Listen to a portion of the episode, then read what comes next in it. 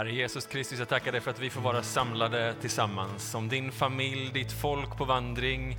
Idag står vi tillsammans, inte bara med oss som är här idag, utan med alla kristna i det här landet och i den här världen, men också de som har gått före oss. Och idag så vill vi också blicka mot de som kommer. Herre, tack för att vår gudstjänst idag får vara en liten del av den stora lovsången till dig. I Jesu namn. Amen. Stå gärna kvar. Vi ska läsa kapitel 6 i Uppenbarelseboken. Och då står det så här. Och jag såg när lammet bröt ett av de sju sigillen och jag hörde en av de fyra varelserna säga med en röst som åskan, kom. Och jag såg och se en vit häst och han som satt på den hade en båge och en segerkrans gav åt honom och han kom fram som segrare för att segra. Och när lammet bröt det andra sigillet hörde jag den andra varelsen säga kom. En annan häst, en eldröd, kom fram och han, hade satt, eh, och han som satt på den fick rätt att ta freden från jorden så att människor skulle slakta varandra. Och ett långt svärd gavs åt honom. Och när lammet bröt det tredje silet hörde jag den tredje varelsen säga kom och jag såg och se en svart häst och han som satt på den höll en våg i handen. Och jag hörde honom Eh, och jag hörde en, liksom en röst mitt ibland de fyra varelserna. Ett mått vete för en dinar, tre mått korn för en dinar, men oljan och vinet ska du inte skada. Och när lammet bröt det fjärde silet hörde jag den fjärde varelsens röst som sa kom, och jag såg och se en gulblek häst, och han som satt på den hette Döden. Och han hade dödsriket i sitt följe. De fick makt över en fjärdedel av jorden till att döda med svärd och med svält och med pest och genom vilda djur på, på jorden. Och när lammet bröt det femte silet såg jag under altaret själarna av dem som hade blivit slaktade för Guds ord och sitt vittnesbörd. Och de ropade med hög röst, hur länge du helige, sannfärdige härskare ska du dröja med att hålla dom och utkräva hämnd för vårt blod på jordens invånare. Och åt var och en gavs en vit klädnad och de blev tillsagda att vara stilla ännu en liten tid till dess medtjänare, tills deras medtjänare och bröder som skulle dödas liksom de själva hade nått sitt fulla antal. Och jag såg när lammet bröt det sjätte sigillet och det kom en väldig jordbävning Solen blev svart som ett tagelsäck och hela månen blev som blod och himlens stjärnor föll ner på jorden liksom höstfikonen faller från trädet när de skakas av stormen. Och himlen drogs undan som när en bokrulle rullas ihop och alla berg och öar flyttades från sina platser och jordens kungar och de höga herrarna och härförarna och de rika och mäktiga och alla slavar som fria gömde sig i hålor bland klippor i bergen och sa till bergen och klipporna, fall över oss och göm oss för honom som sitter på tronen och för Lammets vrede. Till deras stora vredesdag har kommit, och vem kan då bestå? Herre Jesus Kristus, vi tackar dig för ditt ord och vi ber dig att det idag ska ge oss liv. I ditt namn. Varsågod och sitt. Tack för att du kunde stå under en så lång text som det här. Vi tar oss igenom hela Uppenbarelseboken. Vi har kommit till det sjätte kapitlet och jag undrar hur i hela världens frid vi ska ta oss igenom hela den här boken. Men som kanske är bra är ju att det är bara jag som jobbar med det här temat och de andra som predikar här tar andra teman som lite omväxlings skull. Men jag tror vi står i en tid då den här boken är viktig. En tid där den förföljda kyrkan vänder sig till Uppenbarelseboken för att hitta svar, precis som man alltid har gjort. I alla tider då kyrkan har varit pressad från olika håll har Uppenbarelseboken varit en av de böcker som man har vänt sig till. En väldigt svår bok att förstå, men en bok som är viktig för att komma i rätt mentalitet inför den här tiden och inför Gud. När vi eh, följer den här boken så har vi nu tagit oss igenom det första kapitlet där Johannes får en uppenbarelse av Jesus. Vi har klivit vidare i andra och tredje kapitlet som handlar om de sju breven till de sju församlingarna. Och sen så har vi ryckts upp till himlen tillsammans med Johannes. Vi har sett i kapitel 4 och kapitel 5 hur vi har tagit oss till Guds tronrum. Där Gud sitter på sin tron, där det står varelser, det står keruber, det står änglar och äldste, det står många väsenden runt honom och de faller ner och tillber Herren. Det ligger ett hav av kristall framför honom som representerar alla synder och all oro, allt det onda som finns i världen. Det ligger blickstilla framför honom. Inte en krusning, ingenting vågar röra sig framför våran Herre. Där kliver eh, en varelse fram med en bokrulle. En bokrulle som har sju stycken sigill på sig och de här sigillen de måste brytas för om de inte bryts kommer inte bokrullens innehåll att öppnas. Detta kommer inte att bli sanning. Det är inte bara så att bokrullen beskriver det som ska hända, utan det är det som ska hända. Alltså om ingen kan öppna den här bokrullen kommer inte framtiden enligt Guds löften att ske. Och det står att det gick ut ett rop över hela universum, både på jorden och i kosmos så går det här ropet ut och ingen svarar, ingen är värdig att öppna detta sigill. Johannes faller ner på sina knän han börjar gråta hejdlöst för han inser om inte någon öppnar den här bokrullen, vad händer med alla de som har dött i Kristus? Vad händer med mig och det hopp som jag har? Vad händer med den församling som jag tillhör och som står och kämpar just nu? Han får en hand lagd på sin axel och så säger han gråt inte. Därför lejonet av Juda har segrat, Davids rotskott han har makten. Och så vänder sig Johannes om för att se det här lejonet, men han ser inget lejon utan han ser ett slaktat lamm. Och lammet har makten att gå rakt igenom detta havet och det delar sig för honom. Ondskan viker och han går igenom alla äldste och de här änglarna och de bugar inte bara nu för för Gud utan också för honom. Och så går han fram och så tar han den här bokrullen och så står det han är värdig att bryta sigillen. Dit någonstans har vi kommit. Och idag så ska vi tala om de sex första sigillen.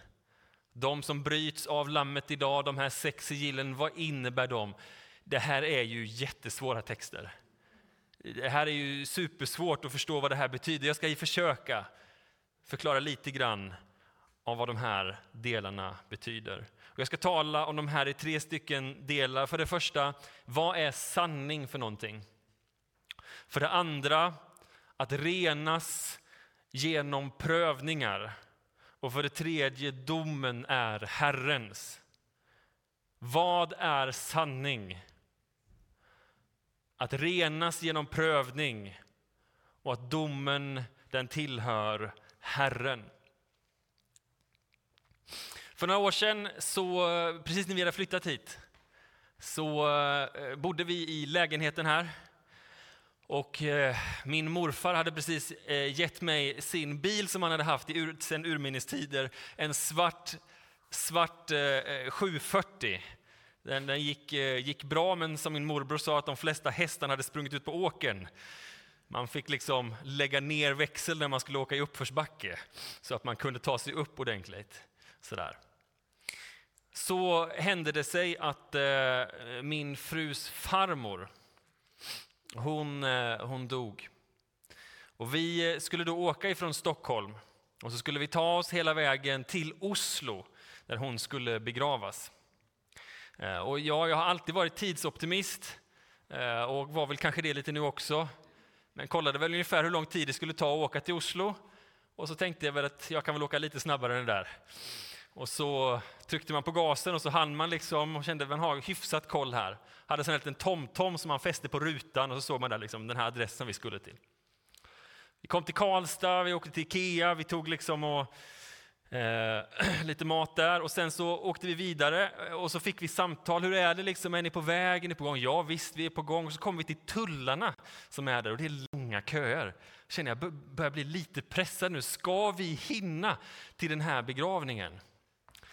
Och så känner jag, jo, vi hinner fortfarande med typ två, tre minuter. Så hinner vi. Så det, det blir kanske lite pinsamt, vi kommer några minuter sent, men vi kör. Och sen så, så, så gasade vi på. Jag har ju aldrig varit i Oslo innan vad jag vet i alla fall, men det såg ut som en väldigt liten stad. Pytteliten stad. Så jag, så jag och så ringer min svärfar. Eh, var är ni någonstans? Nu börjar det. Och jag bara, det står att vi är 30 sekunder ifrån här. Vi kommer se bara runt hörnet här. Och så kommer vi stå på en parkering, eller ja, det är någonting. Och så säger jag, ser ni mig? Nej, vi ser. Ser ni kyrkan? Nej, vi ser ingenting. Och så eh, säger han, var är ni någonstans? Och så börjar jag väl fråga så här och så visar att vi är ju i en förort till Oslo. Långt bort. Något litet, litet ställe som också hade samma adress. Så vi hade hela tiden slått in fel adress och haft det som vårt riktmärke. Det är synd att säga att det är en bra slut på den här historien, för det är det inte. Vi missar ju hela begravningen. Eh, vi, vi, vi kom till Oslo och eh, precis när vi kom fram så var liksom undsättningen och allting klart och vi får vara med på, på fikat efteråt. Någonstans så tänker jag att det här får bli en bild på vad som händer när man knappar in fel destination på sin GPS. Har man fel mål så kommer man fel. Hur snabbt man än kör, hur bra planering man än har. Med fel destination, med fel mål på din GPS så kommer du fel, även om du tror att det är rätt. Och ibland tror jag vi lurar oss att vi har koll på saker. Vi skulle bara kunna kolla en extra gång, liksom, vart är det vi ska? Men jag gjorde inte det, utan jag tänkte att jag hade rätt, att jag hade koll på läget.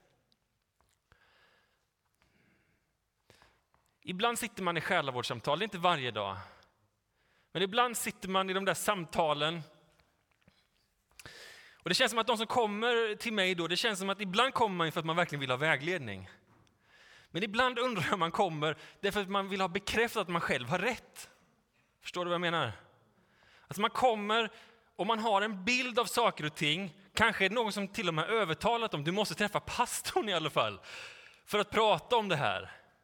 Du måste se till liksom att, att, att ni har ett sista samtal om de här sakerna innan ni fattar de här besluten.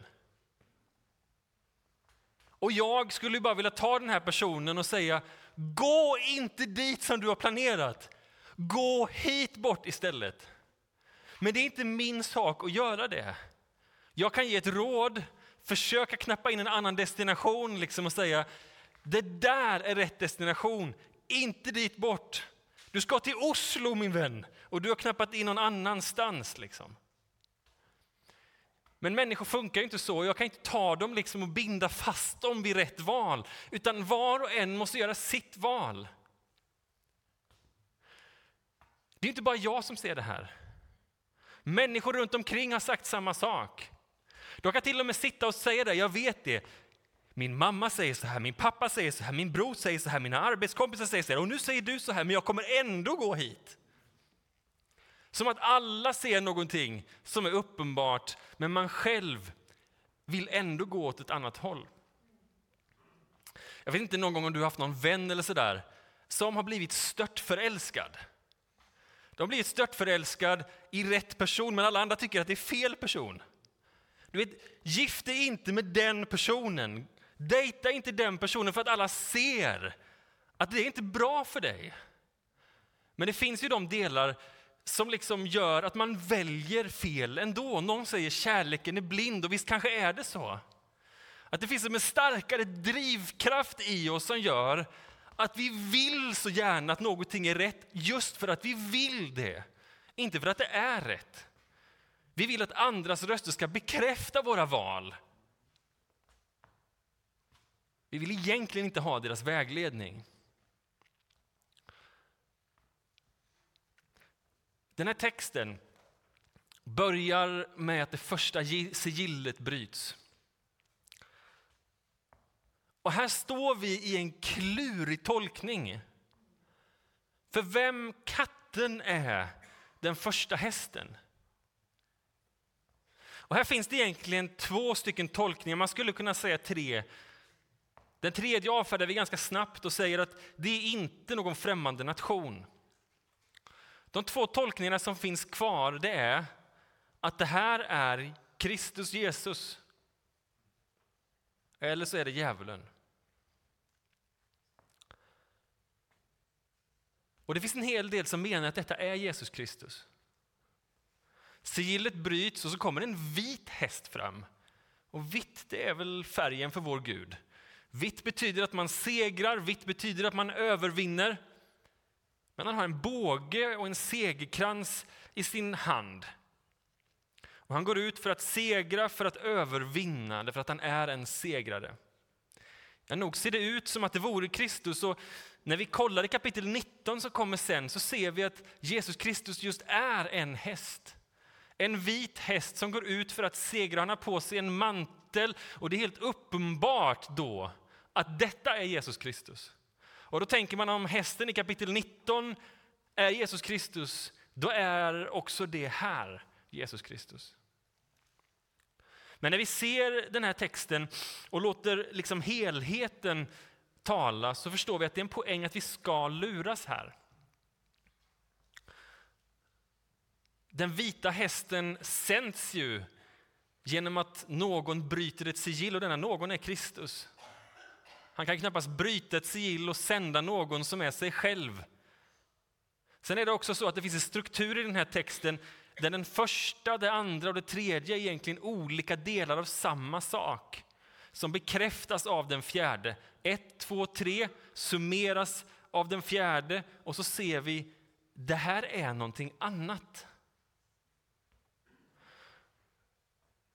Därför med det andra och med det tredje sillet så blir det bara värre. Den första kommer för att erövra och gör det. Erövrar länder och nationer. Och det är inte evangelium som erövrar här. Det är en makt som kommer och erövrar, ett imperium som kommer och erövrar, någonting som erövrar. Och poängen är att det ser väldigt, väldigt bra ut. Och det är det vi ska ta med oss här. Att när den vita hästen kommer så är det svårt att urskilja om det är djävulen eller om det är Jesus Kristus. Och då dras vi till minnes detta om likheten dem emellan. Och att djävulen ingenting hellre vill än att faktiskt se ut som Kristus. Och när han kommer så vill han att vi ska bli bedragna. Det är precis som att det som är falskt ser ut att vara sant. Att det som är fel ser ut som att det är rätt. Att folk jublar och hyllar denna konung och de sätter allt sitt hopp till honom. Men det är helt fel. Här blir ju bönen om urskiljning. Hur ska vi kunna förstå vad som är rätt? Hur ska vi kunna förstå vad som är fel? När de ser så lika ut.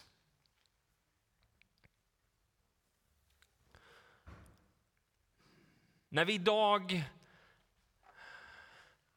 ser på konflikten i Israel så finns det delar i den här konflikten som har rört mitt hjärta kanske lite mer än annat. Allting är bedrövelse.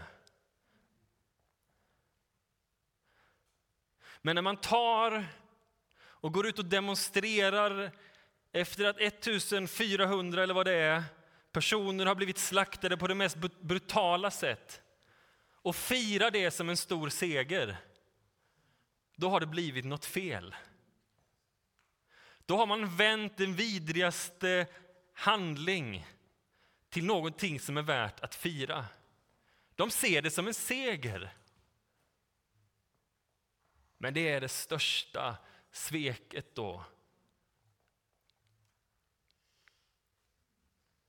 Hur kan man se någonting som är så uppenbart fel och hylla det som att det är rätt? Jag tänker att det finns tre stycken kategorier av människor här, åtminstone, det finns säkert fler. För det första så är det de som på riktigt tror att det här är våran räddare. Det finns de som är helt övertygade om att den här vita hästen är den som ska lösa allting. Sigillet bryts, den vita hästen kommer och man applåderar och känner här kommer våran räddare. Sen finns det de som är tveksamma. Men de skulle vara tveksamma vem det än var. Kanske är vi här i Sverige lite mer åt det där hållet. Vi jublar inte åt någon egentligen. Vi tänker så här att vi är tveksamma till alla, var och en. Vi skulle vara tveksamma till om det var en vit häst, eller en gul, gul häst eller en beige häst. Vad det än var för häst så skulle vi säga ja, tror inte det. Och poängen handlar inte om att vi är tveksamma egentligen, utan vi tror egentligen bara på oss själva. Att vi har koll och vi är vår egen räddare, ingenting annat. Vi är ambivalenta möjligtvis, men sätter inte vårt hopp till någonting egentligen. Däremot om pressen skulle vara så tror jag att man hade kanske gett vika för det lättaste valet. Och I det här fallet hade det varit den här hästen. Vidare så finns det den tredje kategorin. Den tredje kategorin är de som inte vill se vad som är sant. De som inser att den här vita hästen kommer här är inte vår räddare. De skulle igenkänna Jesus Kristus när han kom. Men de vill inte se det. Därför att det kostar för mycket att göra det. Man inser att när den här hästen kommer så kommer den med frälsning och alla liksom applåderar och tänker det här är rätt. Och om man inte följer med i den strömmen så kommer det att kosta på alldeles för mycket. Det kommer kosta anseende, det kommer kosta min karriär, det kommer kosta mig pengar, det kommer kanske kosta någonting för min familj och för mina barn. Det kommer kosta så mycket så att man gör allt man kan för att övertala sig att det som man ser inte är det som man ser. I de här lägena så är det fantastiskt om man hittar någonting som kan verka lite komplicerat. Som att det finns en tvetydighet i det här. Då säger man, saker är inte så lätt. Allt är inte svartvitt. Det är ju sant. Saker är inte alltid lätta, saker är inte alltid svartvita, men vissa saker vet vi. Och det som är sant, det är sant. Och det som inte är sant, det är inte sant. Och de bitarna måste vi som kristna vara, vara liksom beredda att stå för. Vi måste stå pall för de sanningar som vi säger, detta har Gud gett oss att springa med. Kosta vad det kosta vill. Även om det här blir en utmaning, även om det här är en sanning som kostar. Bönen för oss måste vara, låt oss vara villiga att betala det priset. Självbedrägeriet får inte finna oss. Det finns nämligen ett sluttande plan här. Och det ser vi ju med de här hästarna. Det första hästen kommer, segrar men också erövrar. Sen så har vi en röd häst som kommer. Och den röda hästen kommer och då ser vi att det har hänt någonting. Det är slakt som sker. Människor börjar slakta varandra. Den första kommer, erövrar och överlåter människor till sig själva. Och det människor gör är att de går på varandra. Och det som händer sen är att en svart häst kommer. Samhället har erövrats, det har kollapsat, människor blir sig själva nog och vänder sig mot varandra.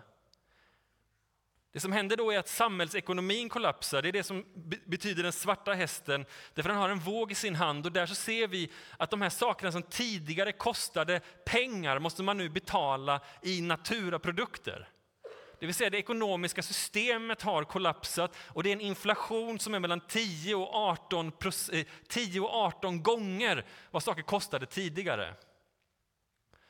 Och sen så kommer den gulbleka hästen som summerar allting och det är dödens häst, dödsrikets häst som kommer och där så dör en fjärdedel av jordens befolkning av svält och pest och genom vilda djur på jorden, även med svärd.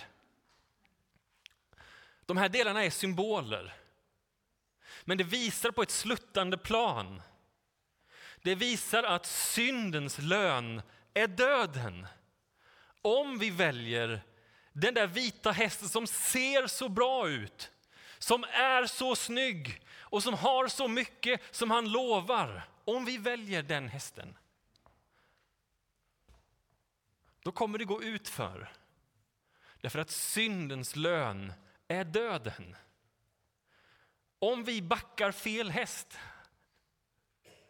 så vet vi att det väntar oss någonting som inte i det här läget då är positivt. På frukten ska du känna trädet. Och det tänker jag är någonting som vi får ta till oss i den här tiden. Att vissa saker har god frukt och då kan vi säga att det är gott. Andra saker har inte god frukt. Låt oss då säga det ärligt och öppet. Detta är ingen bra frukt. Det som Gud kommer med har alltid bra frukt. Jesus säger, jag är nåd och sanning. Han säger, kom med ande och sanning. Han säger, jag är vägen, sanningen och livet. Min önskan idag och hela den här serien är, låt oss stämma oss mot Gud och hans rike. Mot hans röst och där han finns. Så att när han kommer med jordbävning eller eld, att vi går förbi men att vi har lärt oss att höra den stilla viskningen, den där susningen som är hans röst. Att vi vet när han kommer och när andra kommer och att vi kan se skillnaden däremellan. Den andra delen handlar om hettan, prövningen som kommer. För det som sker här är att det kommer sigill som bryts ifrån himlen. Och det låter liksom ske massa hemskheter på jorden. Jag ska inte spekulera i exakt vad det är för saker. Men vi kan se att det släpps lös saker och att Gud faktiskt tillåter att det sker. De här fyra första hästarna kommer med delar på jorden som är en del av de sakerna som återupprepats gång på gång. Och vi kan se att det här hände då under kejsar Neros tid och fram till ungefär 100 efter Kristus. Det här var något som stämde då och något som har kommit i loper efteråt. Och vi ser det här, vågar jag påstå, också idag. Det här har två stycken funktioner i den här texten. Två stycken funktioner. Den första är, och det här är jobbigt för oss att tala om, det är att de här delarna är en dom ifrån Herren. Att han är domaren som kommer att döma världen. Och här kommer en del av hans dom. Det som är märkligt här är att det drabbar församlingen extra hårt. Och här kan man ju undra varför Gud skyddar du inte ditt folk? När du tillåter att det här sker, varför skyddar inte du ditt folk i det här läget? För att svara på den frågan så måste vi gå till vers 10. Därför när han bröt det femte silet, och det femte silet sker inte på jorden utan uppe i himlen. Jag såg under altaret själarna av dem som hade slaktats för Guds ord och sitt vittnesbörds skull. De ropade med hög röst, hur länge, du helige och sannfärdige, ska du dröja med alla dem Eh, med att hålla dom och utkräva hämnd för vårt blod på jordens invånare. Och så får han till svar ytterligare en liten tid. De som har blivit vittnesbörd. Det finns nämligen någonting i de här prövningarna. Att en prövning skiljer agnarna från vetet. Att en prövning skiljer så att säga det som är gott i oss ifrån det som är ont i oss. att när vi står i en prövning så blir det liksom på riktigt. Flera gånger så står det i Bibeln liksom tagit den här, den här bilden av hur man renar guld. Hur gör man det? Jo, man tar guldet och den här stenen och allt det här slaggigt som finns och så tar man det och så sätter man in det i hettan. Och när man liksom ökar upp hettan tillräckligt mycket så är det bara guldet som finns kvar och allt annat bränns bort. Den här tiden är en sån tid där allting prövas som om det vore eld. Där vi prövas och där alla av oss kommer prövas och där står det och Paulus talar om det. Där man kommer att se vad är det som består. Är det halm och strå som vi byggt vårt hus av, säger Paulus? Eller har vi byggt med guld och ädla stenar? Vad har vi byggt vårt liv utav? De här prövningarna, säger Johannes, kommer att visa det. På det sättet så blir även de här prövningarna ett sätt att likna Jesus Kristus, att följa i hans spår och att säga Gud, jag vill bli ett vittne för dig, kosta vad det kosta vill. Det blir som att det delas. Tidigare har allting varit mixat, men nu måste man välja. Ska man följa lammet eller ska man följa draken? Ska man gå med den första hästen som leder till fördärvet? Eller ska man gå med Jesus Kristus som kommer sedan? Vad vill vi bli? Och här kommer då den märkliga delen. Åt var och en gavs en vit klädnad och de blev tillsagda att vara stilla ännu en tid till dess tills deras medtjänare och bröder, de som skulle dödas liksom de själva, hade nått sitt fulla antal.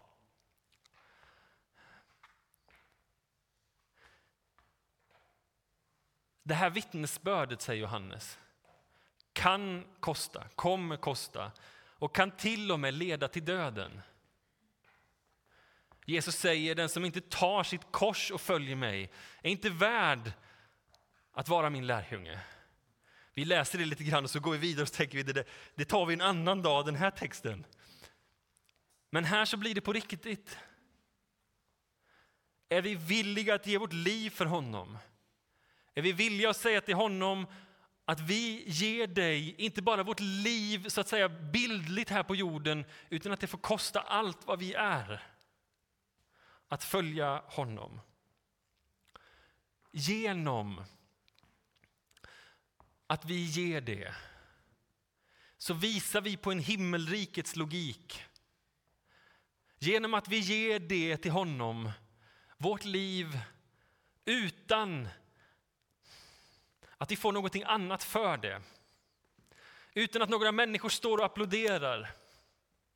Utan att vi får pengar för det. Utan att några liksom ger oss en, en löneförhöjning eller att vi får en, får en sån här medal of honor. Vi får liksom ingenting för det. Vi står där och vi håller vår tro upprätt, men vi får ingenting för det. Så är det i andras ögon helt ologiskt. Varför gör de detta? Varför tar de skit för ingenting? Här står de kristna och de väljer att ge allt vad de är och de får ingenting för det. Varför? Hur ska man kunna förklara det här? Jo, du måste lägga in Guds rike i ekvationen. Det öppnas som en spricka till himlen och genom varje människa som står för något som är värt att stå för så kan man bara förklara dem genom att lägga in Guds rike i deras liv. Det är som att du och jag har möjlighet att kanalisera Gud hit till jorden genom att vi inte kompromissar, genom att vi står för någonting. Genom att vi står för någonting som faktiskt andra inte står för så kan Guds rike bli en del här på jorden. Vi blir själva ett svar på bönen. Kom med ditt rike och ske din vilja här på jorden så som den sker i himlen. Våra liv får bli till en förkunnelse genom att vi står för någonting och inte kompromissar med det. Vi följer någon annan, vi följer inte den hästen. Det är inte sanning, men det finns en sanning. Vi får ingenting för det, men det finns någon som håller våran rygg. Det som händer här, det är att vi har liksom den här bilden av människor som blir smutskastade. Som att de går den här vägen och folk kastar tomater på dem och ägg och ni vet allting sån här skit. Man säger de är inte värda någonting de här kristna. Så de kommer upp där framför tronen. Och vad har de för kläder på sig? De har på sig kläder som är helt nedsmutsade. Står det. Åt var och en gavs en vit klädnad och de blev tillsagda att vara stilla ännu en stund.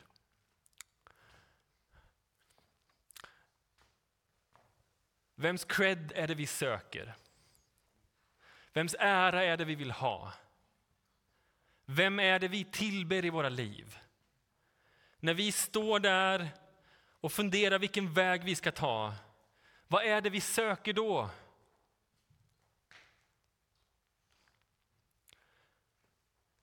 Det här gänget som står där inför tronen har sökt äran från Gud. Andra har smutskastat dem genom deras liv. Skulle andra se dem skulle de säga det där är ingen att ha.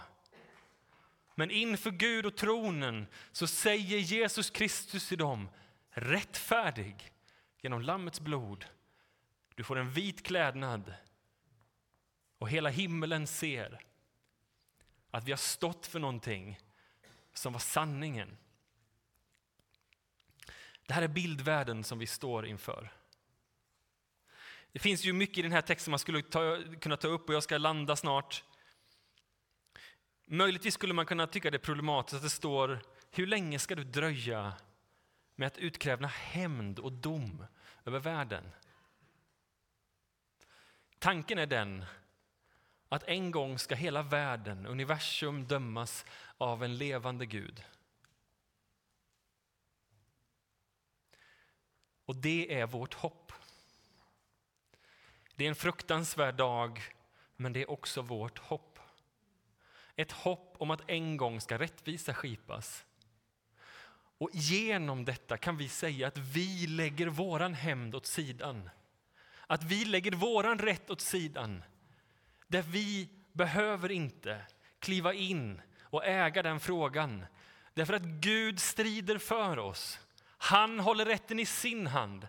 Det finns ingen anledning för oss att ta rätten i vår, i vår, i vår hand, utan han kommer att strida för oss. Vi behöver inte göra det.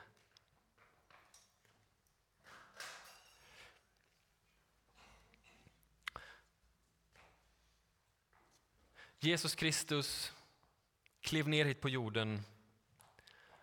Han levde för oss han dog för oss, han gav sitt liv för oss. Det står att han klev upp och blev till en överste präst. Och nu står han och medlar mellan Gud och människor. Genom honom så är vägen öppen. Genom honom har vi fått allting och vi behöver ingenting mer.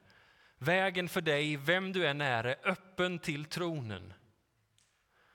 Bildspråket som används i den här texten handlar om att himlen är som Guds tempel. Han blev vårt offer. Men vi kan också få bli ett offer inför honom. Du och jag kan få bli ett offer inför Gud som är välbehagligt inför honom.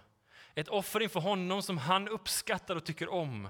Där han säger till oss, bra jobbat. När vi ser på de som har gått före oss, när vi har parentation här idag, inte idag, men när vi har det här ibland, så lyfter vi upp människor som har gått före i tro och visat genom sina liv hur man kan leva troget Jesus Kristus. Vi kan slå följe med dem. Vi kan slå följe med de martyrer som har varit, de vittnen som har varit tidigare. Vi kan se de kristna som finns över jorden idag och vi kan se att en gång så välkomnas vi hem. Vi välkomnas hem till att stämma in i lovsången den lovsång som ännu ingen har sjungit. Och han säger då till oss, tack du gode och trogne tjänare. du och jag kan få bli ett offer inför honom. Och han kommer att ge oss en vit klädnad och säger, andra kanske talat illa om dig, men för mig så är du ren. Herre Jesus Kristus,